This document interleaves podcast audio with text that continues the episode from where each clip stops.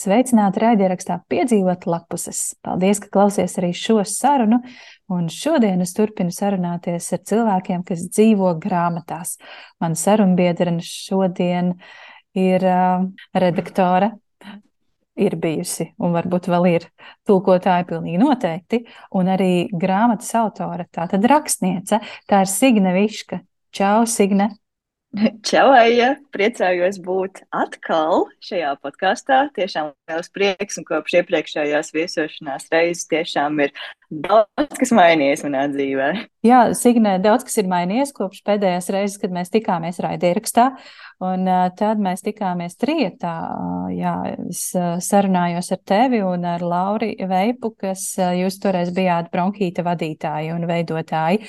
Bet uh, tagad uh, tevis vairs nav bronhītā, bronhītam ir cita skaņa, un es gribētu teikt arī cits uh, saturs mazliet, uh, bet ne labāks, ne sliktāks, tikpat interesants katrā ziņā. Uh, bet kas šobrīd notiek tavā dzīvē? Kas ir tās lielās pārmaiņas un uh, ko tu dari literatūrā un, un vispār Signas Viškas dzīvē? Oi, runājot par bronhītu, es tiešām ļoti priecājos par to, kāds tagad ir bronhīts. Nu, kā jau tu teici, tas nav ne labāks, ne sliktāks kā iepriekš, bet tas ir viennozīmīgi citādāks. Man ir tāds prieks to klausīties, un nav tā spiediena, ka, lūk, es esmu šī uh, raidījuma veidotāja un vadītāja, un citreiz arī klausījos mūsu ierakstītos raidījumus pēc tam, un varbūt tur kaut ko analizēju, vai arī tur kaut ko biju piemirsusi. Un uh, tagad vairs nav šīs spiedienas, tiešām esmu bronhīta klausītāja atkal pēc trīs gadiem.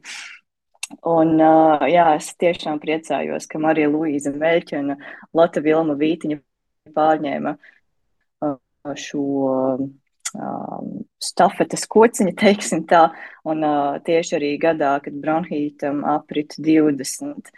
Un jā, milzīgs prieks par to, kas tur notiek, un prieks, ka viņām ir tas uh, drives un entuziasms darīt to, ko viņas dara. Un, uh, jā, varbūt es bronhītā kādreiz vēl atgriezīšos, kas to lai zina, bet uh, pašlaik esmu ļoti priecīgi klausītāji. Un tā arī ir uh, labi šobrīd. Bet par citām lietām manā literārajā dzīvē oh, pagājušais gads bijis diezgan uh, raips visādā ziņā, gan priecīgākās, gan netik priecīgās noskaņās, protams, visiem zinām iemeslu dēļ. Bet uh, man arī tas personīgi ir bijis diezgan raips gads, jo uh, bija periods, kad pārklājās ļoti daudz dažādu darbu, pienākumu, projektu. Es uh, arī pabeidzu maģistra studijas Latvijas Universitātē. Un arī maģistra rakstīšana bija vēl atsevišķi piedzīvojums, piedzīvojums lapusēs. un, uh, jā, es mēnesi pavadīju Vācijā, Minhenē, uh, speciāli tāpēc, lai rakstītu maģistra darbu par uh, vecstāva tēlu literatūrā. Un tieši latviešu un vācu bērnu jauniešu mūsdienu literatūrā. Un, uh, jā, tas bija tiešām liels piedzīvojums. Atklāju daudz brīnišķīgas vectēlu literatūras. Tieši maģistra darba ietvaros ievies šādu apzīmējumu vectēlu literatūru. Un, uh, nu, par to varbūt sīkāk arī varu pastāstīt mazliet vēlāk. Bet, uh, nu, jā, ir bijis daudz foršu tulkošanas darbu, daudz tādu Nu, tieši pagājušajā gadā iezīmējās tulkojumi, kuri iznāks vai nu šogad, vai nākamajos gados. Un tas tiešām arī saprotu, ka, hei, es esmu tulkotāja, un tā ir mana lieta, un man patīk, un tā ir ļoti, ļoti paša sajūta.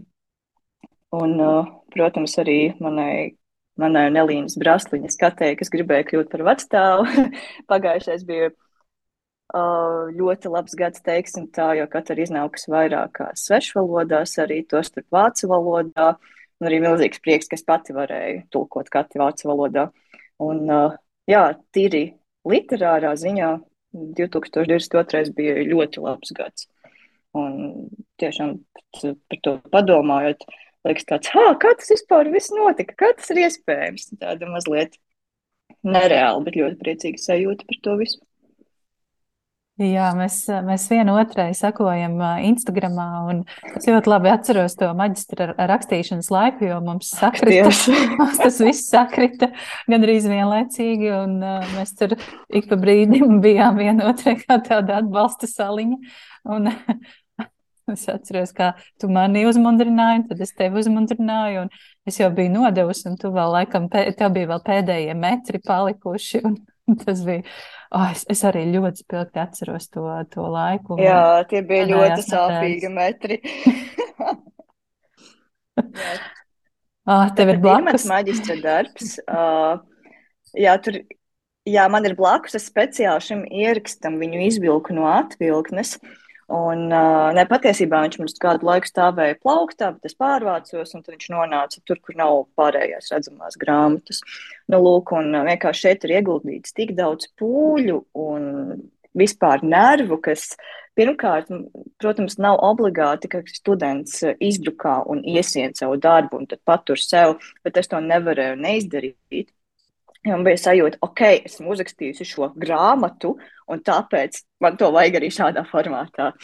Un, uh, jā, un šis ieraksts šodien bija iemesls, lai to atkal izvilktu no atvilknes un varbūt arī kādā brīdī iesprauktos ar um, dažiem secinājumiem no tā. Bet man tiešām tas arī ļoti interesē, kas ir tas, ko tu secināji, jo tu pētīji vecstāvu tēlu un saproti, ka tieši bērnu literatūrā, ja? vai, vai kopumā vairāk? Jā, tieši tā. Bērnu un jauniešu literatūrā un laika posms, ko es izvēlējos, bija 21. gadsimts, nu, principā pēdējie 22 gadi. Un, protams, pētāmā materiāla vācu valodā bija krietni vairāk. Un uh, arī nu, to pašu grāmatu, kurās pieminēts vecstāvs. Vācu valodā, protams, ir vairāk, jo vāciski katru gadu iznāk nu, nesalīdzinām vairāk bērnu un jauniešu literatūras. Bet tik un tā varēja atrast tādus kā atspērienu punktus, ko salīdzināt. Un uh, es mazliet paskatīšos savā satura radītājā, kas man tur darās.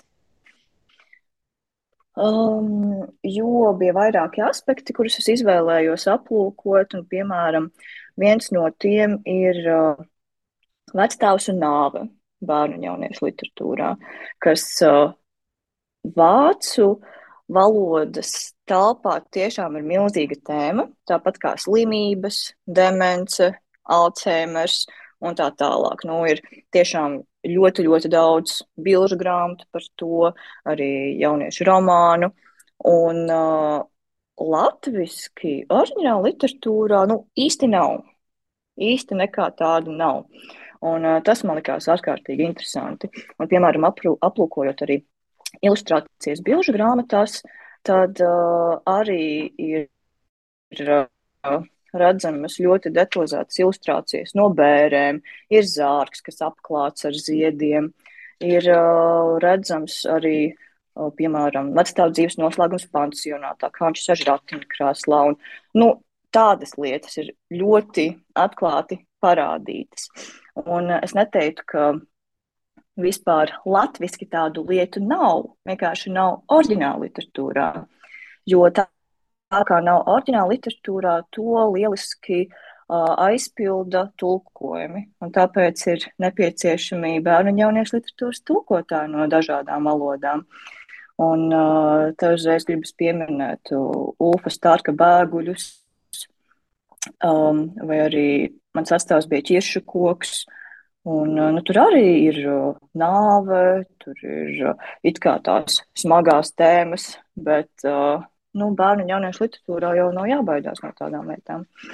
Um, nu, lūk, un, tas ir viens aspekts, ko es pētīju maģistra darbā un vispār kādas ir vecstāvu funkcijas bērnu un jauniešu literatūrā.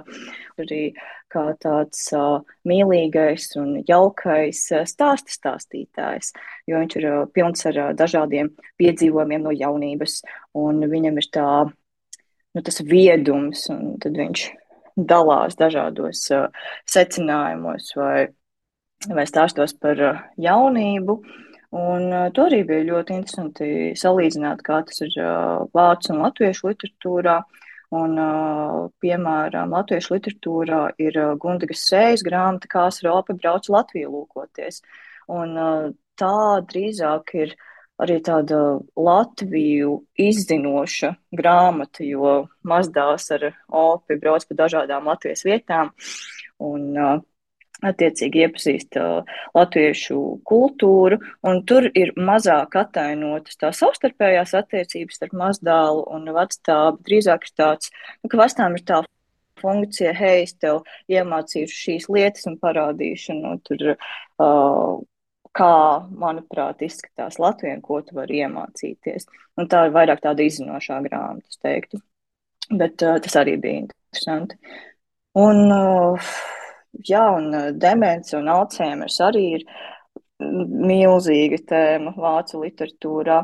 Un uh, nu, tur tiešām tu aizēji uz uh, grāmatnīcu vai uz bibliotēku, bērnu tur bilžu grāmatas, un tur tu vienkārši skaties, nu jā, tur viens nomirst, viens tur slims, viens pansionātā. Un es vienmēr esmu čīkstējis par to, ka latviešu oriģināla literatūrā ir baigais trūkums, un, nu, šādas literatūras.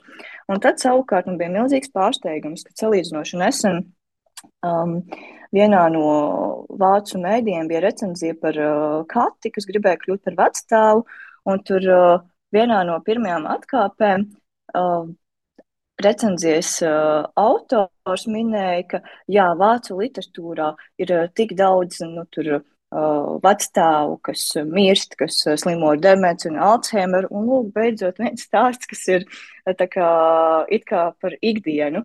Un man bija tāds, ah, es, es to izjūtu pilnīgi otrādi. Un es nebiju gaidījis, ka, kā, nu, man nešķiet, ka latviešu un vācu kultūra ir baigi tālas un tā, bet ka būs tāda atšķirība. Tas man likās ārkārtīgi interesanti. Es nebiju par to domājis no tāda, no tāda skatu punkta, ka arī trūkst varbūt ikdienišķās uh, literatūras. Jā, tas ir interesanti, jā, kā mēs ieraugām sevi citos un citi ierauga mūs no malas. Bet, jā, kā tu redzi latviešu bērnu literatūru un tomēr kā mums te trūkst, vai varbūt nekā netrūkst. Jo nav jau visi lauciņi aizpildīti, vismaz tas, tas, ko es redzu, un gribētos vairāk dažādības. Bet eh, tev ir, vai tev ir atbilde uz to, kāpēc eh, šīs dažādības nav vēl pagaidām mūsu bērnu literatūrā? Mm, es teiktu, ka dažādība ir, bet tā ir tāda kūniņa stadijā varbūt. Un, kā jau minēju, ir ļoti priecīga par to, ka ienāk tiešām augstvērtīgi tulkojumi latviešu literatūrā. Tas ir, tas ir tiešām ļoti svarīgi, un tā mēs arī iegūstam to, to tiešām plašo tēmu loku. Bet iemeslus es pat nezinu. Varbūt autori, kas raksta bērnu un jauniešu literatūru, varbūt viņiem personīgi tas nav nu, tik nozīmīgi vai svarīgi. Un varbūt um, Varbūt kāds jau ir uzrakstījis kādu darbu, tur es nezinu, par, nu, kur tiešām ir šī saskaršanās ar smagām slimībām, vai tur um, netradicionālām ģimenēm, vai kaut ko tam līdzīgu. Un varbūt šie darbi vienkārši nav kvalitatīvi. Tā arī var būt, jo tas ir muļķīgi uzrakstīt, nu, piemēram, uh, apskatīt to vispārīgo literatūras ainu, secināt, ok, mums ir ļoti maz bērnu literatūras par nāvi. Tātad kādam ir jāuzraksta darbs par nāvi. Un, uh, vienkārši tas, ka tu raksti par aktuālu tēmu, tas nenozīmē, ka šis darbs automātiski būs labs. Tā tas nedarbojas. Un, uh, nu, es nezinu, es domāju, ka mums tiešām ir uh, laba augsne.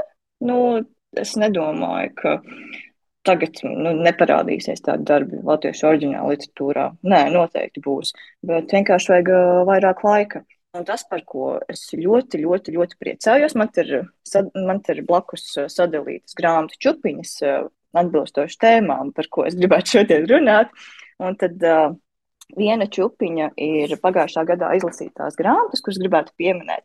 Un viena no tām ir Luīzes Pastors Rāņielas cirks kas pirmkārt ir ļoti vizuāli baudāms darbs, un arī taustām foršs. Un, nu, vispār es nevaru atrast nevienu lietu, pie kuras pieksīties šajā darbā. Nu, lūk, un šeit ir nodaļa tieši par nāvi. Un man tas likās tik forši, ka, lūk, ir beidzot mūsdienu literatūrā darbs, kur pieminēta nāve, bet tas nav, uh, bet tā nav izspēlēta kā šausmīga traģēdija, vai ka tur viss ir slikti, bet, nu, tur vienkārši parādīts tas, kā tas ir. Nu, cilvēks aiziet, un tev ir bēdīgi, un tur ir tur, uh, attainots, kā tas tiek uztverts no bērna skatu punkta. Un, un tas ir vienkārši ļoti forši, kā tas ir attainots. Un, un tiešām gribas pateikt Luīzai pastorē par to paldies. Es jau viņai pateicu, bet es to arī paskatu pašlaik publiski. Jo nu, tas ir diezgan rats gadījums, un tas ir sanācis ļoti labi, un es nejūtu, ka tas ir speciāli tur ilgs, lai vienkārši būtu nāve. Nē, tā nav. Tāpēc uh, es to ļoti novērtēju. Un arī noteikti ļoti iesku šo grāmatu. Man žēl, ka vairāk cilvēku par to nerunā, un, jo tas tiešām ir ļoti, ļoti foršs un vērtīgs darbs. Es piekrītu, es pilnībā piekrītu un noteikti saku, ka Luīzes Pastoras grāmata ir 2022. gada viena no labākajām bērniem, pilnīgi noteikti latviešu literatūrā. Un tas, tas par to nāvi, jā, prast runāt par šīm smagajām tēmām bez lieka patusa, bez tāda nu, uzspēlēta, tāpēc, ka mēs tagad parunāsim par to nāvi, un tad jūs visi redzēsiet un kaut ko iemācīsieties no tā. Mm -hmm. Nē, nāve un, un viss, visas Jā, tās, viss, kas notiek mūsu dzīvē, ir daļa no mūsu dzīves. Es tikko izlasīju arī vienu diezgan jauku grāmatu. Latviešu autors Harijs eh, Petrotskis, eh, Aminorī, viņam ir iznākusi pirmā bērnu grāmata, viņam šķiet arī pirmā grāmata vispār Oto brīnās. Un arī tur ir uh, nedaudz te, nā, šī te nāves tēma, bet tieši tāpat tā, tā it kā starp citu. Viņa šī zēna Oto ikdienā ir arī šis nāves piedzīvojums.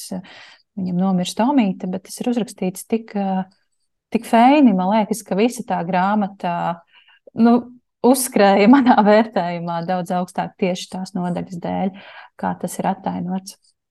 Jā. Ārstu citu vai tik rudītas kalpiņas grāmatā Harijam augot arī nebija minēta omītas nāve.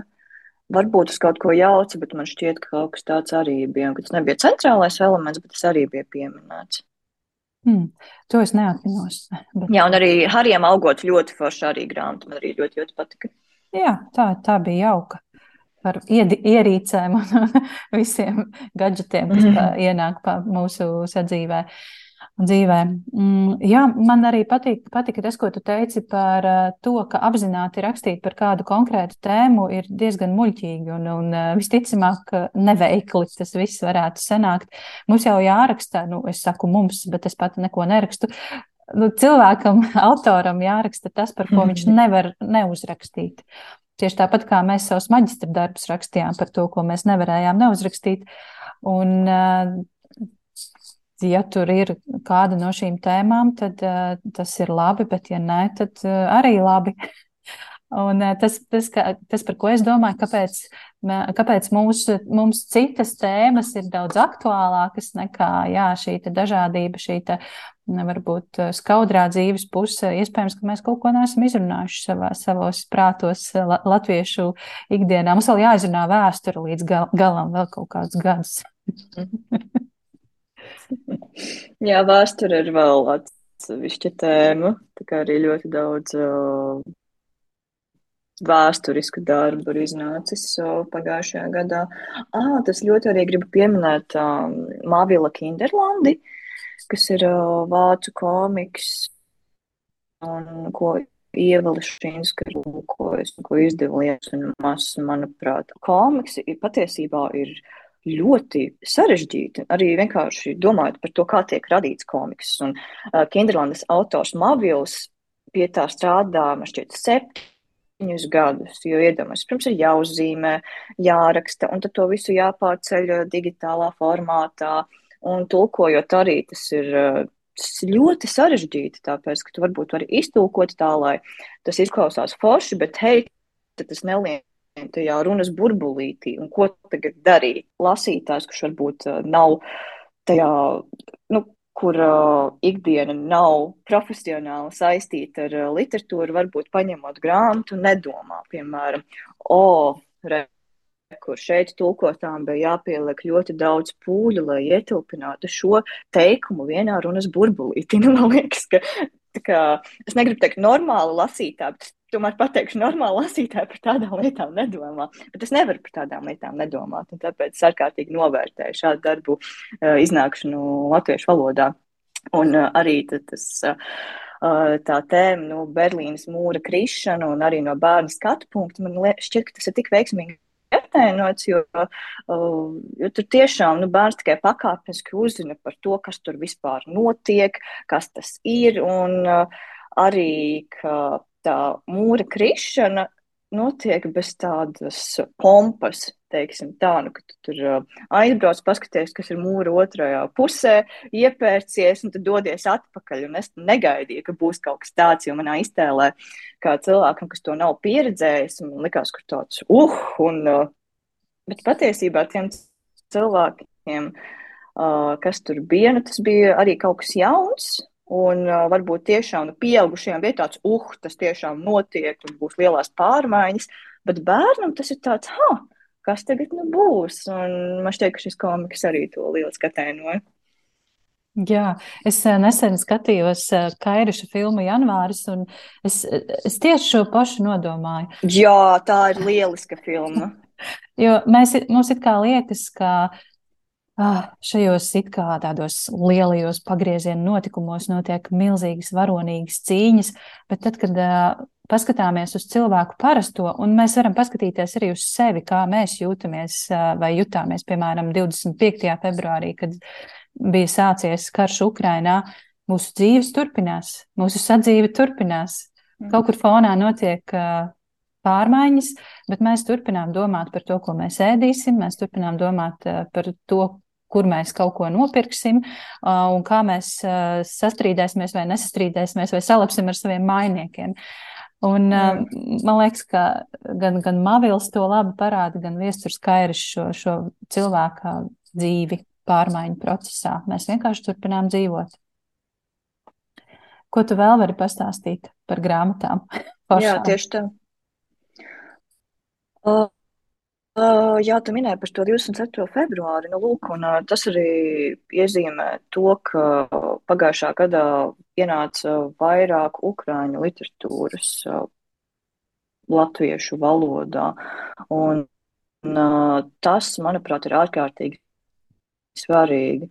Bet es tūlīt par to paturpināšu, bet Arī Latvijas Nacionālajā bibliotēkā ir plaukts, kur ir bērnu un jauniešu literatūra tieši ukrāņu valodā. Un tas man liekas ārkārtīgi jaunu, ka ukrāņu bērni ierodas Latvijā un tad, piemēram, viņi ap, apmetas Rīgā, tad viņam ir tā iespēja arī lasīt grāmatas savā valodā.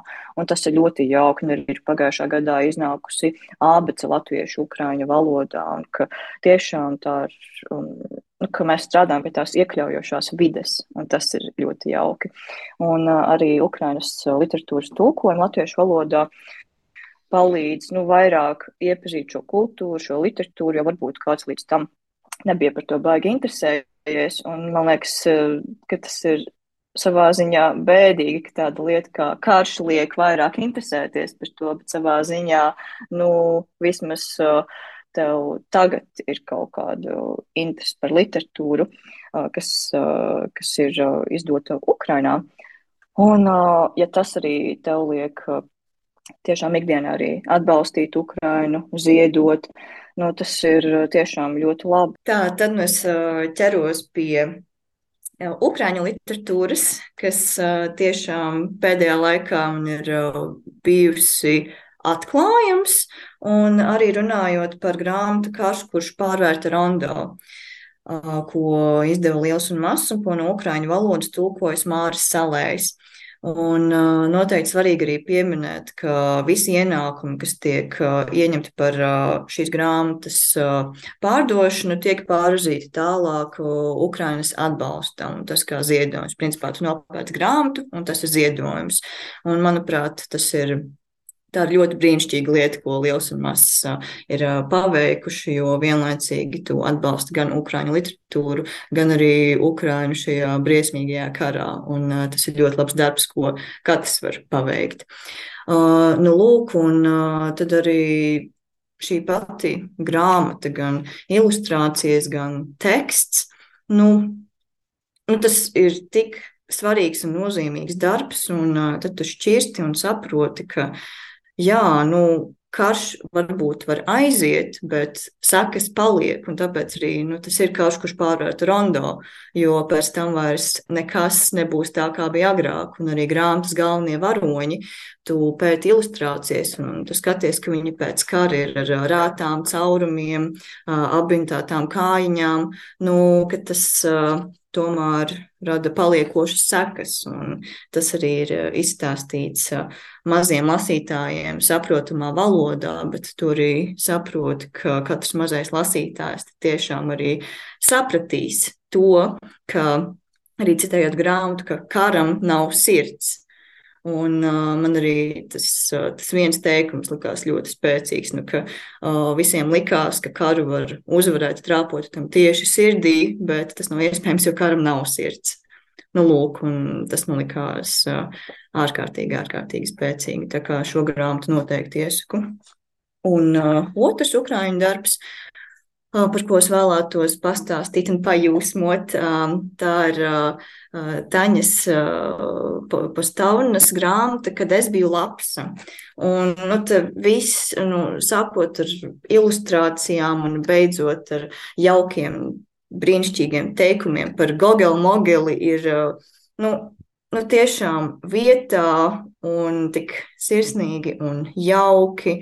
Un, protams, man tik tuvās vecāku un nāves un slimības tēmas, kas šeit tiek attēlotas, arī ir atklātas tik patiesā veidā, un arī, kā tu teici, bez lieka patosa. Un, jā, un ilustrācijas ir brīnišķīgas, un katra ir kaut mākslas darbs, ko tiešām var ierāmēt un likt pie sienas un tad aplūkot. Un arī tā slimības un nāves atainošana, nu, tas man arī likās tik, nu, varbūt mazliet jocīgi lietot vārdu sirsnīgs šajā kontekstā, bet uh, tad, kad uh, vecmāmiņa saslimst un nonāk ratiņkrāslā, tad uh, tas tiek aprakstīts kā uh, vecāmas jaunais transports.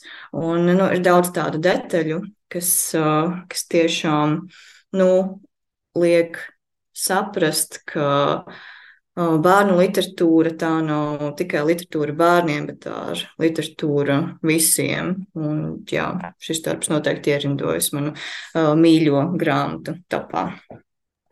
Jā, bērnu literatūra nav tikai bērniem. Es pilnībā piekrītu. Pilnībā piekrītu. Man mm. patīk, ka šī saruna veidojas par tādu kā pagājušā gada bērnu literatūras pārskatu. Tā Man... nedaudz ir, jo es patiesībā arī veidoju literatūras aprakstu, bērnu literatūras aprakstu portālam Satori. Nav ne jausmas, kad es viņu pabeigšu un kad tas tiks publicēts. Bet es pie tā strādāju, tāpēc man arī saruna automātiski ievirzās šādā gultnē. Ļoti labi. Ko tu vēl vari izcelt no pagājušā gada? Es redzēju, gudrībā, ka tu izlasīji skeletu Juhanu. Ak, Dievs, jā, es tik, ak, Dievs, jā. Ak, Dievs, jā, tieši tā. Es, es esmu sajūsmā par šo grāmatu.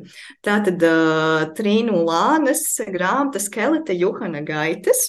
Uh, šo grāmatu ir ilustrējusi Mārija Līse Plats, un to no igauņu valodas tulkojusi Maima Grīnberga. Uh, Um, nu, šeit arī viss sākot no spilgti rozā vāciņiem un uh, līdz pat kaut kādiem vienkāršiem teikumiem. Nu, ir tik brīnišķīgs. Un, kā es rakstīju arī savā gudrības atsauksmē, uh, ka ilustrācijas uh, varētu arī būt labs meme materiāls, tā kā kaut kādai uh, sērijai par to, nu, ka tu jūties nu, iekšēji bišķīt miris, bet tad tu mēģini izklaidēties ar citiem cilvēkiem. Un tad ir tās ilustrācijas par skelets Juhans. Tur sēž un skatās uz vistām, vai skelets Juhans sēž pie ugunskura, un tādā garā tas man arī likās uh, bišķīt smieklīgi un forši. Bet arī tā pati doma, ka vecāks pāris adoptē skeletu, un viņš kļūst par ģimenes locekli, tas, tas, tas Tas, tas ir tik absurdi un krūti. Es, Iedomājies, šis ir viens no maniem mīļākajiem stāstiem vispār. Nu, kā, tas Domājies, ir ka tev šī doma ir jāpārdod uh, kultūra kapitāla fondam vai, vai kādam vēl uh, sponsoram, kas varētu nosponsorēt šo grāmatu. Un šī būs grāmata par skeletu, kuru adoptē vecāks pāris. tā noteikti būtu uzrakstījusi stipendijas pieteikumā. Ja man vajadzētu nopičot šo grāmatu, nu, tiešām brīnišķīgi. Un, ka, un es arī iepriekš minēju, tik forši, ka mums ir tulkotāji, kas ienes uh, mūsu valodā tādus darbus. Un, protams, tas var būt ļoti dažādi. Nu, varbūt izdevniecība ir atklājusi šo darbu un piedāvā tulkotājiem. Bet bieži arī tā, ka tulkotājs pats to izlasa un tad ir pie izdevniecības un saka, hei, ir šitāds darbs un uh, man viņu gribas tulkot. Es nezinu, kā bija šajā gadījumā, bet es jebkurā gadījumā priecājos par rezultātu. Priecājos, ka mums kaimiņos ir uh, tik uh, brīnišķīgi darbi. Un, nu jā, Skelets Juhans ir super. Es, es, es ļoti, ļoti silti iesaku un noteikti iesaku aplūkot ilustrācijas. Iespējams, ka saņemšos un vēlāk uztaisīšu kaut kādus storijus, kur arī ir ilustrācijas redzamas un tur mazliet kāds jotiņš, bet par to nu, redzēs. Bet jā, jā. tiešām ļoti jauka grāmata. Skelets Johans ir pilnīgi noteikti man uh, viena no pagājušā gada, gada grāmatām. Es uh, nebeidzu jūsmot par to, nu, tik asprātīgi, tik sirsnīgi un viss sākot jā, no tevis minētajiem rozā vākiem un tiem iekšvākiem, kur pēkšņi es atveru grāmatu un man tur, kas man tur priekšā ir tagad. Bet tas tik labi strādā kopā, lieliski tiešām. Jā, tas bija arī viens no top darbiem. Uh, pirms es pārēju pie literatūras, uh, kas nav tieši bērnu un jauniešu literatūra, uh, es arī gribu pieminēt Rollingas Ziemassvētku cūku, kas gan uh, iznāca jau aizpagājušajā gadā, un es to iesāku aizpagājušā gada decembrī, bet kaut kā man neielasījos. Un tad šogad uh, bija, ne pagājuši gadu jau, 2002. gadā, pienāca tas brīdis, kad uh, es domāju, ok, šis ir laiks Ziemassvētku cūkam. Un, uh, jā, protams, uh, kārtējais, sirsnīgais, jaukais stāsts, un J.K. Rowling ir tiešām ļoti talantīga stāstniece. Un uh, tas arī atgriež bērnībā, un es arī man bija tāda iedoma, ka brīdī, kad es izēju no istabas, ka visas manas rotaļlietas atdzīvojas. Un šeit es atkal ar to saskāros, bet šeit rotaļlietas atdzīvojas no Ziemassvētku vakarā. Un man tas likās tik forši un jauki. Un tā visa arī draudzība ar Ziemassvētku cūku. Un, oh, arī, nu, arī brīnišķīgs stāsts. Un, uh, es pilnīgi es sev iztēlojos, ka tad, kad man būs bērni, tad decembris iesāksies ar to, ka mēs sāksim lasīt šo grāmatu un lasīsim līdz Ziemassvētkiem. Tā kā es to tā iztēlojos. Man uh, ļoti patīk šī doma. Un jaunu grāmatu tulkojusi Silvija Brīce. Un, uh, nu jā, tiešām prieks, ka šis stāsts ir uh, iztulkots latviešu valodā. Un par Rolingu turpinot, arī pagājušā gadā uh, ir iznācis viņas lugas tulkojums, nolādētais bērns un tulkojusi Laura Dreiža. Un arī priecīgi par to, ka tas ir iznācis latviešu valodā. Un arī pavasarī došos uz Londonu un redzēšu šo izrādi. Un, uh, man ļoti interesanti, kā tad, uh, tas viss būs. Un, jā, esmu priecīgi satraukta. Nu, lūk, tas ir kopumā par bērnu un jauniešu literatūru, ko es gribēju pieminēt. Nu, protams, ir vēl daudz kas cits, bet uh, varbūt tas vēl iesprāgsies šajā sarunā. Bet uh, par uh, citām pagājušā gada grāmatām, kas ne obligāti ir iznākušas tieši pagājušajā gadā, bet pie kurām es nonācu pagājušā gada laikā.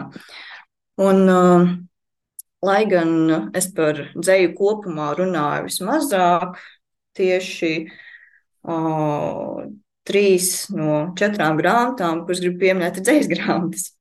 Un uh, pirmā ir uh, Henrika Eliesa Zēgnere paradīze. Uf, jā, šī grāmata iznāca 2021. gada pašās beigās, tātad datēta ar uh, 21. gadu, bet principā pie lasītājiem nonāca 22. gada sākumā. Un, uh, nu, šī grāmata man reāli nonesa jumtu, un es to ik pa laikam arī mācu pārlasīt, pāršķirstīt. Un uh, tas ir, uh, nu, Zēgners prot uh, izģērbt mīlestību un sāpes kailas un uzrakstīt par to visu nebanālā veidā, kas nu, reāli izsit visus drošinātājus. Un grāmatas titula dzējolis, kas ir arī grāmatas pirmais dzējolis, ir kā ļoti ilgi gaidīta koncerta atklāšana. Un tu lasi un domā, wow, esmu šeit un tagad, un man ir tik sasodīti, ļoti paveicies būt te un to pieredzēt. Un jā, tā kā šī ir ne tikai pagājušā gada, bet arī vispār viena no mīļākajām, tuvākajām dzējas grāmatām. Tā kā sajūsmināti iesaku. Un tad, uh, turpinot tādā pašā sajūsmas garā, bet mazliet citādākā veidā, um, gribu pieminēt Marijas dzēslas, dzējoļu krājumu uh, Vistas mierts, kas ir uh, dzējoļu krājums latgaliešu valodā, un uh, noslēpumainā autora Marija Dzēsla, kur tikai varbūt uh, izdevēji zina, kas viņa ir patiesībā, bet varbūt tas arī nav tik svarīgi. Un, uh, nu, pirmkārt, uh, dzēja latgaliešu valodā ir kaut kas uh, ļoti tāds, es pat nezinu, varbūt man arī es arī negaidu, ka man būs ļoti objektīvs skatījums uz to, jo es arī pati nāku no Latgales, bet, kad es lasu dzēju latgaliski, man uzreiz ir tāds nu, māju sajūta, un es, man šķiet, ka, lūk, es saprotu, par ko tur ir runa. Un ja tur nav tiešā tekstā par latgali vai kaut ko tādu, bet tas veids, kā to uzraksta un vārdu izvēle Tas viss man asociējas ar mājām, un, ja kādā darbā es izjūtu māju sajūtu, tas arī ir viens no augstākajiem novērtējumiem kaut kādā manā iekšējā signas skalā.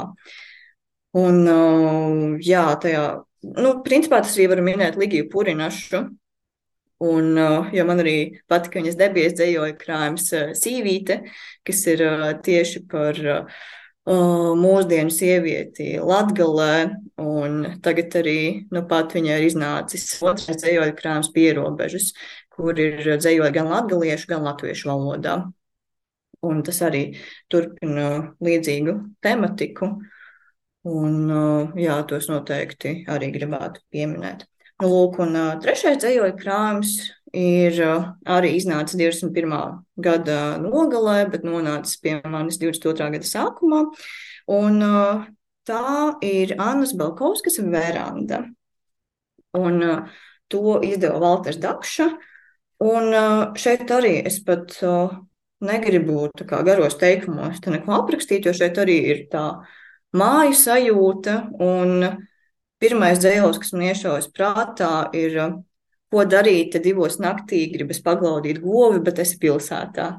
Nu, tā kā tur arī ir kaut kas tāds neturami jauks, sirsnīgs, bet tur arī netrūkst kaut kādus mūsdienu sāpes. Un, jā, tieši tāpēc man arī šķiet, ka šis krāms ir ļoti izdevies un foršs. Nu, lūk, un tad ceturtais darbs, par ko es gribētu ieminēties, ir Annas Auziņas mājoklis Terēzes dienas grāmata arī 21. gada uh, beigu izdevums, un uh, izdeva biedrības cenu. Un, nu, šeit nu, par to ir diezgan daudz un plaši runāts, bet man šķiet arī ļoti krūti tik atklāti runāt par sievietes seksualitāti, lai gan tā nav vienīgā grāmatas tēma. Un, uh, Man arī ļoti patīk detaļa, ka grāmatas vāka dizains, ko veidojusi Estere Betija Grāvere, ka tas ir iedvesmots no mēnešreižu aplikācijas Flow krāsu schēmas. Tā kā to teica, to arī stāstīja Anna Oziņa intervijā Bronhītā. Tā kā arī tās mazas detaļas man ļoti patīk. Un šī sakarā arī nevaru nepieminēt Lauras Grozas izrādi mājoklis, kas ir balstīta uz šīs grāmatas motīviem. Uh, Un, tā ir izrāda divās daļās. Pirmā daļa ir Dāvidas teātrī, un otrā daļa, kas ir, manuprāt, visīpašākā daļa, norisinās Terēzes dzīvoklī Dzirnavielā. Un, nu, tā ir viena no mīļākajām teātras pieredzēm, un tos arī noteikti iesaku. Lielisks grāmatas papildinājums. Nu tā, tas ir no lasītā, kas man pagājušā gadā ir ļoti palicis atmiņā. Nu jā, tu jau, tu jau redzēji mājokli, jo es arī ļoti, ļoti vēlos redzēt, bet, bet kaut kā vēl neesmu aizgājusi uz to izrādi. Jā, es novembrī biju uz pirmo daļu, un decembra beigās uz otro daļu dzirnavielas dzīvokļi. Tieši otrā daļa bija, nu, tiešām wow. Tas, es pat nevaru to aprakstīt. Tas tiešām, nu, jāpērk biļetes un jāiet, kamēr vēl var, jo es pieļauju, ka tā nebūs izrāde, ko mm, rādīs vēl nezinu, gadiem ilgi. Līdz ar to, nu, sevišķi tā otrā daļa dzīvoklī, jo tas ir mazliet sarežģītāk to visu izpildīt. Un es ir nesen redzēju ziņā sižetu, ka tur kaimiņi sūdzas un sauc policiju, un ka izrāda bieži tiek pārtraukta ar policijas klātbūtni, kaut gan tur viss ir saskaņots un, um, nu, tādā garā tajā izrādās, kuru biju es, tur nekas netika pārtraukts, un tā tāpēc bija pārsteigums to redzēt tajā ziņas izžetā, bet jā, tā kā noteikti iesaku. Mm. Mājokļu kontekstā man visvairāk patīk eh, šīs diskusijas, eh, ko šī, šis stāsts un šī grāmata raisa tieši sieviešu vidū. Jo man liekas, tā ir tāda īstā sieviešu grāmata gan par sievietes dzīvi un, un būšanu, bet tā, tie kontrasti, kā, kādus viedokļus esmu dzirdējusi par šo grāmatu, ir ļoti interesanti. Un ir interesanti par to, par to domāt, kā mēs pašas uh, uztveram šo stāstu un, un, un jā, šo Terēzes dienas grāmatu. Vai jā, arī par vārdu izvēli tur bijušas diskusijas. Jā, jā. Un... Oi, kas tik uh, nav redzēts uh, Facebook grāmatnieku grupiņās un ne tikai. Jā, jā, bet uh, es atceros, es lasīju pagājušā, nē, aiz, nu jau aizpagājušā, 21. gadsimta pašā nogalē to grāmatu. Un uh, sākumā es jutos ļoti apmulsusi. bet, uh, tad, tad es atceros, kā man, man, man tā grāmata atvērās. Un, un uh, jā, man likās, ka tā bija, nu, himna sievietei un, un tam, ko viņa piedzīvo savā dzīvē, savā, ar savu ķermeni, savās attiecībās. Viņa ir nu, visuma centrs, visa centrs. Viņa ir tā, kura dzimst un pēc tam pati dzemdē, un pēc tam uh, ir blakus savai mammai, kad tā aiziet. Visbiežāk jau tās ir sievietes, kas uzņemas šo te, nu, jā, riteni izgriezt līdz galam. Oh, laba grāmata. Īpaši tāpēc, jā, bet... ja tā raisa diskusijas. jā, jā, nu daudziem ir. Uh esmu pamanījis, ka daudziem ir tāda alerģiska un reaktīva reakcija pret tādu veidu atklātību, un tas man arī liekas īpatnēji. Jā, tas arī ir kaut kas, droši vien, par ko, mēs briestam un pie kā mēs pierodam. Bet es nezinu, vai, vai pie tā ir jāpierod. Vienkārši katram droši vien būs tie, tie savi limiti vai kaut kāda latiņa vai kaut kādas robežas. Tas ir interesanti. Bet jā, tieši tāpēc tā, tā grāmata ir vajadzīga, lai to, tos, tās robežas varbūt pavilktu tālāk mūsos. Eh, es klausījos, kā tu runāji par grāmatām ar tādu aizrautību, eh, bet tas, ko es pamanīju, noteikti ir tas, ka tu pieminēji grāmatas tulkotāju, jo grāmata ir tulkota. Un bez izņēmuma katrai grāmatai ir jāpiemina tulkotājs. Eh, tā, tā droši vien arī ir tāda audzināšanas un, un izglītošanās lieta, ka mēs bieži vien. blakne. Nu, tev profesionāla blakne, bet mēs bieži vien, nu, lasītāji parastie vai, vai vienkārši cilvēki, kas dzīvo vairāk vai mazāk literatūrā, piemirstam šo, šo lietu, šo tulkotāju jautājumu. Kā tu to jūti un cik tev ir svarīgi būt pieminētai, atzīmētai un, un cik tev ir svarīgi, ka tavu kā tulkotājs darbu pamana un novērtē? Nu, tas ir droši vien muļķīgs jautājums, jo katru darbu gribas, lai novērtē. Bet, bet jā, man vienkārši droši vien gribas, lai tu pakomentē šo tulkotāja ieguldījumu un, un, un, un darbu, ko tu jau īstenībā šajā sarunā vairāk kārt esi pieminējusi. Nu jā, patiesībā tā tulkotāja pieminēšana man sāka kļūt aktuāla, kad es sāku tiešām pierast, sadraudzēties ar domu, ka es arī to varētu darīt. Tā tad um, vidusskolas beigas, studiju sākums, teiksim tā. Un tas arī pievērst uzmanību, ah, šo grāmatu tulkojas tas cilvēks, un tas vienmēr arī esmu skatījusies, kas ir redaktors, korektors, ir pieminēts projekta vadītājs, ir projekta vadītāji, un tā man vienkārši galvā ir kaut kāda milzīga datubāze ar cilvēkiem, kas ir iesaistījušies dažādu grāmatu tapšanā.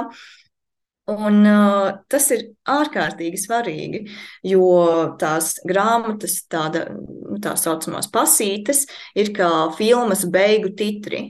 Un vai tas ir grāmatas sākumā vai beigās, bet tu redzi visus cilvēkus, kas ir bijuši iesaistīti grāmatas tapšanā, un tas ir ļoti svarīgi. Un arī ar pievienot autora pateicību, nu, tas ir, nu, tad tu vienkārši saproti, ka aiz šīs grāmatas nestāv tikai autors, kas ir rakstīts uz vāka. Labi, nu, mākslinieks arī ir līdzautors, bet arī tulkotājs kļūst par līdzautoru, jo viņš pārceļ grāmatu savā valodā. Un tas ir ārkārtīgi svarīgi, jo, nu, ko mēs iesāktu bez tulkotājiem? Nu, tad mums būtu jāmācās visas pasaules valodas, un tas nebūtu baigi vienkārši. Bet par to darbu novērtēšanu, um, nu tā, man, uh, protams, liekas pašsaprotami, ka tur rakstīts jā, no vācu valodas tulkojas Signeviška. Bet ir tādas nianses, ko, pie kurām vēl varētu piestrādāt Lat Latvijas grāmatniecībā, Un, piemēram, ja mēs paņemam tur liels un mazs izdevumus, tur tulkotā vārds minēt uz vāka. Bet visbiežāk tulkotā vārds netiek minēts uz vāka, bet nu, iekšlapās. Un tas ir kā tāds sīkums, bet man ir prieks, ka šis sīkums tiek tiešām um, attainots uz grāmatas vāka, jo tulkotājs savā ziņā arī ir līdzautors. Un kā Dāca Meija teica vienā arī sarunā Bronhītā, nu, ka tulkotājs ir autors pogulis. Un es domāju, ka tāpēc tulkotāju vārdam arī ir vieta uz grāmatas vāka. Tas neaizņem tik daudz vietas. Mm. Man nesen bija saruna ar manu brāli. Viņam ir divi dēli, un uh, viņi, protams, arī kopā lasa grāmatas. Un, un uh, tāda interesanta lieta, par ko es pat tā nebiju iedomājusies uh, bērnu kontekstā, viņi lasot grāmatu, paņemot jaunu grāmatu, kopā izlasa šo pasīti. Es ar savu meitu izlasu tikai autoru un nosaukumu, un tad mēs eh, aiziet, metamies stāstā. Bet viņa ļoti rūpīgi kopā izpētā, kas, eh, kas ir autors, kas ir tulkotājs, kas ir redaktors, visu tur, kur ir drukāta grāmata. Jo, jo nu, tur puiši ir tehniski, un, un viņiem varbūt arī citi mm. mazliet tā uztver, bet man liekas, ka tas ir tā, tā, tā cieņas, cieņas izrādīšana, ja tā padomā visiem, kas ir iesaistīti. Es patiesībā arī lasu šīs pasītes, un es, es vispār grāmatu grāmatu, ja es to lasu, tad izlasu no A līdz Z. visus, visus vāku, apra, visus aprakstītos vākus, visu izlasu un izpētu, kas ir redaktors, jā, kas ir, protams, tulkotājs. Un tā ir tāda, kādā brīdī tas sāk kļūt interesanti un svarīgi. jā. Uh, vēl tu interesanti stāstīji par šīm te uh, tulkotāju ikdienas lietiņām un izaicinājumiem, un es zinu, ka arī tev pašai tāds izaicinājums bija tulkojot uh, grāmatu par tēti un kutelīgajiem jautājumiem. Uh, Pastāsti vēlreiz, lūdzu, lai visi šo stāstu zina, jo man liekas, tas ir arī brīnišķīgi un robežas pavalkoši. Jā, nu lūk, tas arī patiesībā ir mazliet iedvesmojoties no tulkotājām Dācis Meiras un Maimas Grīnbergas, jo viņām ir tas ieradums jautāt lietas Facebookā cilvēkiem nu, par kaut kādiem tur uh, interesantiem priekšmetiem vai kaut kādiem ziediem vai kukaiņiem. Un, uh, Un tad uh, lūdzu Facebook spēkam palīdzību. Es neatceros, kādu tēmu tur lietoja Dace Meijera, bet tas, laikam, bija Facebook gudrais palīgs vai viedais palīgs, nu, vai kaut kas tam līdzīgs. Nu, lūk, un uh, tad pagājušā gada pavasarī uh, es tūkoju Marka Uvis Klinga grāmatu Diena, kad tētis pārunāja kutelīgus jautājumus kas, manuprāt, arī ir ļoti vērtīga un forša grāmata. Nevis tāpēc, ka es to tulkoju, bet tāpēc, ka tā tiešām ir. Jo tā ir grāmata par nu, arī seksualitāti, par izsargāšanos, tur, nu, principā, sex education, bet caur tādu asprātīgu stāstu. Nu, lūk, un tad šajā grāmatā ir tāds brīnišķīgs atvērums ar cilvēkiem pludmalē un cil ar cilvēkiem nudista pludmalē, un tad tur ir novilktas būtiņas no cilvēku dzimuma orgāniem, un tad ir dažādi nosaukumi, bet tādā bērnišķīgā valodā, nu, kā tur mēdz dēvēt, nezinu, tur pincītis vai tur čuriņā un tā tālāk, bet tas viss bija vācu valodā. Un tad es skatījos ar šausmām uz tiem nosaukumiem un domāju, nu, ko man tagad darīt. Nu, Es pati zinu, varbūt kaut kādus trīs, labi, jā, bet tur laikam jānosauc septiņi vai deviņi. Un nu, ko es darīju? Es vērsos pie Twitter tautas un uh, rakstīju, nu, hei, rekur tūkoju tādu grāmatu, un uh, vai jūs varat man uh, ieteikt uh, labus vai jebkādus dzimuma orgānu apzīmējumus, nu, bērnu valodā? Un uh, tad uh, Twitteris sadavās rokās. un es arī sasmējos par to, ka man atnāca paziņojums, ka arī seksīs stēle ir uh, retvītojis uh, manu tvītu. Uh, ar, uh, ar piebildi palīdziet Signē šajā svarīgajā misijā, jo tādas grāmatas vajag. Un ta, tas ir arī tiešām taisnība. Un uh, viena dāma bija ielikusi linku uz uh, diskusiju atsaucīgo māmiņu formā, kur bija tieši tāds jautājums. Un uh, tad arī tika izveidot uh, Excel tabula, kur bija apkopoti visi šie nosaukumi, un tam arī atsūtīja to Excel tabulu. Es vienkārši skatījos, un tur pat bija tik smuki sadalīts, un tā kā cik reizes kuru apzīmējumu tur minēja. Un tas bija Jā, tā bija ļoti jauka datubāze, pie kuras es tiku pateicoties Twitterim un atsaucīgo māmiņu fórumam. Un uh, tas attiecīgi gāja cauri šim uh, sarakstam un uh, skatījos, kas no tā varētu būt noderīgs un atbilstošs, kas iedras kontekstā. Un, jā, un arī izmantoju to tūkojumā. Un tas tika akceptēts. Es par to ļoti priecājos. Tā kā paldies Twitterim! Es tagad uh, cenšos atcerēties, vai, vai grāmatas pasītē bija ierakstīta tava pateicība atsaucīgo māmiņu fórumam. Nebija gan, bet katru reizi, kad man ir izdevība pateikties publiski, tad es pasakos. tas, tas, ir, tas ir lieliski. Zinot atsaucīgo māmiņu fóruma saturu, bieži vien ļoti labi, ļoti labi. ah, Nu, es domāju, ka visiem, jā, visiem tiem, kas šobrīd klausās šo sarunu, uh, ir divi jautājumi prātā. Ko tu, Signi, šobrīd raksti, un ko tu, Signi, šobrīd tulko? Stāsti, cik tu, vari, cik tu drīksti izstāstīt vispār. Jā, es šobrīd tulkoju vairāk nekā es rakstu. Rakstīšana man ir kā ir. Domās, es rakstu daudz, praktiski es rakstu maz. man par to žēl, bet vismaz man ir tulkošana. Uh, Un, uh, tur ir pieci darbi, ar kuriem es varu padalīties, kas ir vai nu procesā, vai kur jau ir skaidrs, ka viņi tiešām iznāks. Un, uh, nu, jā, nu tad uh, pirmais, pie kā strādāju šobrīd, arī kaudzīts ir blakus, ko parādīt. Um, tas ir Elizabetes Steinkelneres uh, romāns Papīra klavieris. Un uh, Tā arī šī grāmata ir bijusi nominēta Vācijas jaunas literatūras balvai. Un, pirmkārt, man arī patīk, kā šī grāmata tīri vizuāli izskatās.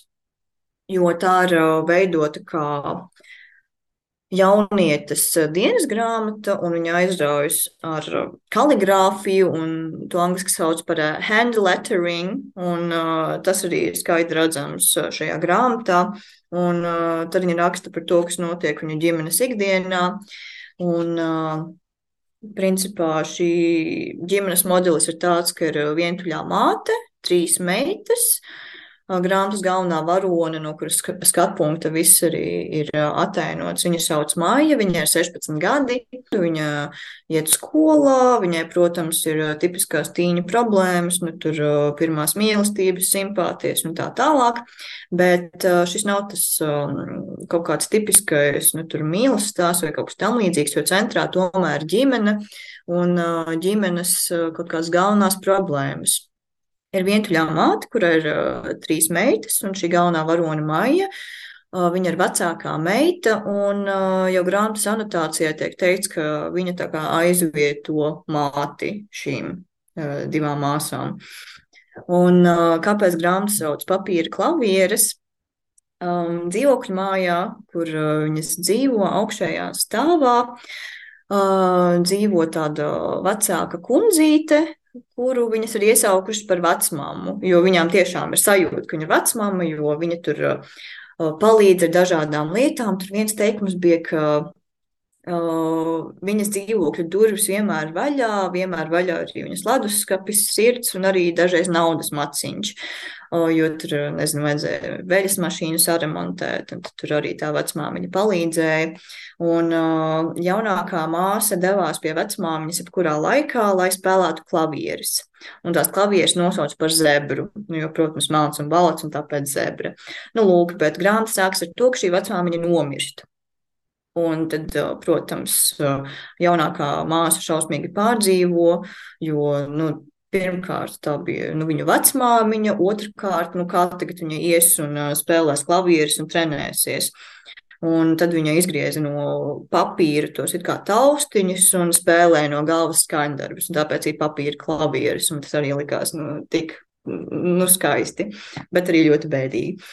Nu, lūk, un tad tā vecākā māsa Maija domā, kā tagad nopelnīt vairāk naudas, lai viņa varētu atļauties samaksāt par klavieru nodarbībām jaunākajai māsai. Un tad viņa domā visādas veidus, kā dabūt papildus darbus vai paņemt vēl vienu mājiņu tur.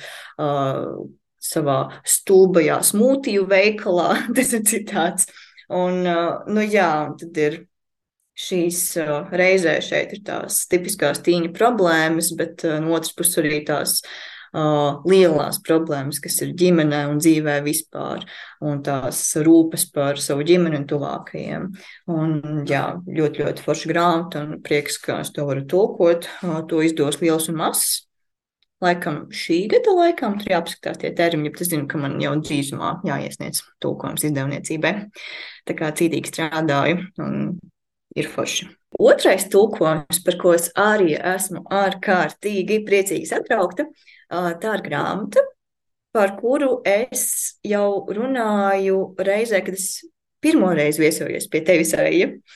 Un, nu, lūk, tā, tas ir romāns Tamangūra, ko ir sarakstījusi šveiciešu autore Leta Semadeni. Un arī, nu, tas arī ir vecstāvu literatūras darbs par attiecībām starp, nu, principā tur atainota ikdienas dzīve, um, starp mazmeitu un vecmāmu, kad vecstāvs ir devies aizsaulē, jeb uz tamangūru, kā tas ir pateikts grāmatā. Nu, lūk, tas nav bērnu un jauniešu romāns, bet domāju, ka arī jaunieši to mierīgi varētu un varēs lasīt. Tas ir kaut kāds maģiskais realisms, vai nu, tas sastāv no daudzām mazām nodaļām, 73 nodaļām, kas ir tādi kā mozaīkas gabaliņi, kurā tu iepazīsti gan to mazo ciematu Šveicē, gan tiešām kā tas ir, ka no tavas dzīves aiziet svarīgs cilvēks un kā tu tālāk dzīvo. Un, nu, es pat nevaru īsti aprakstīt, cik skaists un nozīmīgs šis darbs man ir, un tāpēc jūtos vēl jo vairāk pateicīgāk, ka es to tiešām arī varu tulkot. Un paldies Valsts kultūra kapitāla fonda par radošo stipendiju šī darba tulkošanai. Un šo grāmatu izdos Jānis Roze. Um, tad uh, tālāk es mēģinu aptuveni chronoloģiskā secībā nosaukt grāmatas, bet tālāk ir mazliet juceklīgi, jo es īsti nezinu, kā, cik ātri kas iznāks. Bet uh, par ko es arī esmu ļoti, ļoti priecīga, ir um, bilžu grāmata. Un tā ir vācu mākslinieka Wolfa Erlbruha grāmata Pīla, Nāve un Tulpe, kas vāciski iznākusi jau 2007. gadā. Un uh, autors, diemžēl, jau pagājušā gada nogalē devies mūžībā, bet aiz sevis atstājis milzīgu kultūrālo mākslas mantojumu. Un uh, latviešu lasītājiem viņš visdrīzāk ir ļoti labi pazīstams ar uh, ilustrācijām Wernera Holcverta grāmatai par kurmīti, kas gribēja zināt, kurš viņam ir uztaisījis uz galvas. Ir tāda brīnišķīga grāmatiņa, un arī tur ir šī paša autora ilustrācijas. Jā, un uh, kas man arī liekas skaisti, kas jau studiju laikā zināja par šo grāmatu. Man bija tāds pārsteigums, kāpēc viņa vēl nav tulkota latviski. Es jau kaut kādā kursa darbā par viņu ieminējos. Un, nu, lūk, un te nos nonākas tajā brīdī, kas varu tiešām tulkot uh, grāmatas, kas man pašai ir mīļas, un tās pārnes latviešu valodā ir tāds gods, teiksim tā. Um, tad grāmata numur četri šķiet, laikam būs lielākais izaicinājums man. Tas ir Dītas Cipfeles romāns, kā ārprāts man izskaidroja pasauli. Un um, šis romāns pirms diviem gadiem arī ieguvis um, Vācijas jaunas literatūras balvu. Ļoti pelnīta, manuprāt. Un tā ir pilnīgi kreizī grāmata. Uh, par ļoti apņēmīgu pusaudzi, kas grib nopelnīt pēc iespējas vairāk naudas, lai viņa varētu doties pie sievietes, kas viņai ļoti daudz nozīmē. Tā sieviete ir galvenās varonas mātes bijusī dzīves biedrene. Un šeit arī ir tāds arī īpatnējs ģimenes modelis, ka uh, Māte ir biseksuāla un pašreiz viņa dzīvo ar partneri, kurš galvenajai varonē šausmīgi besīnu, tiešām ir tāds, o, es gribu prom, nu arī tas pusauģis purainums, un tāpēc viņa grib kā, doties pie tās uh, foršās uh, mātes, nu, tādas eks-dzīves biedrenes, jo ar viņu vienmēr bija forši, viņas ļoti labi sapratās, viņu atbalstīja. Un, nu, jā, un viņa uztaisīja budžeta plānu, cik naudas viņai ir jānopelna, lai šo plānu īstenotu. Un uh, tad viņa rēķināja, cik reizes viņai būtu jāiet staigāt sunīšus, lai tik daudz nopelnītu. Un tur sanāca vesela mūžība. Un tad viņa ieraudzīja sludinājumu, kur uh, par uh, sunīšu staidzināšanu piedāvā nu, neadekvāti augstu summu. Un ja tāds, oh, wow, tam man vajadzēs tikai dažas reizes staidzināt sunīti. Labi, es pārbaudīšu, kas tur ir, viņiem aiziet to adresi. Un tur tāds bišķī tāds kreizī vecs kungs. Un uh, sunīša viņam nav. Bet uh, viņš grib, lai tā meitene pieraksta receptes burvju recepšu grāmatai. Un, un par to viņai maksā daudz. Un nu, tas, kas tur viss arī, nu, tur paralēli arī tipiskās pusauģu problēmas, tur simpātijas, tur skolā, tur apcelšana. Un nu, tas viss savijas tādā pilnīgi kreizī mikslī, un uh, tur daudz vārdu spēļu. Un, uh, uh, nu, tas ir tāds milzīgs sprādziens. Un, uh, ja arī tā pusaudzes valoda ir tāda spuraina un jā, tas ir milzīgs izaicinājums to tulkot, bet arī man ir ļoti jautri. Un, uh, jā, es ļoti gaidu, ka tas arī nonāks pie lasītājiem, bet līdz tam vēl paies kāds laiciņš. Nu, varani. Es klausos un domāju, kāda ir sajūta apzinoties, ka tu tulko kaut ko ļoti svarīgu. Un visticamāk, tas ir traki. Es, to, es par to cenšos nedomāt, jo citādā galvā viss nojūg un viss ir ļoti slikti. Tā man bija maģistra rakstīšanu, jo man galvā tas bija kaut kas svarīgs. Un tad bija brīži, kad es vienkārši sasalu un nevarēju vispār neko izdarīt. Man likās, ko tad es, es taču neko nerubīju, la, la, la. Labāk par to nedomāt, un tad viss aiziet. Tā kā Jo skaidrs, ka jā, tas, ko mēs visi darām, mēs tulkotāji, tas ir super svarīgi, bet tu vienkārši dari savu darbu, tu to dari pēc labākās sirdsapziņas un saprašanas. Un uh, man arī palīdz tas, ka es zinu, ka visdrīzāk nu, pirmā versija nekad nav perfekta, bet ap to pretī ir redaktors, lietpratējs, kurš prot salikt tos punktus uz i, kurš var ieteikt lietas. Nu, Tas ir grāmata, ir kopdarbs. Tāpēc arī tik svarīgi pasītēt. Tur rakstīts tulkotājs, redaktors, korektors. Nu, tas viss ir nenormāli svarīgi. Un, tāpēc arī ir forši apzināties, ka tu neesi viens šajā darbā, un ka tā ir komanda, kas strādā pie grāmatas. Un, lūk, tas arī palīdz nesajukt prātā šo apziņu, nu, ka, hei, šis ir ļoti svarīgi, ko es daru. Nu, tā.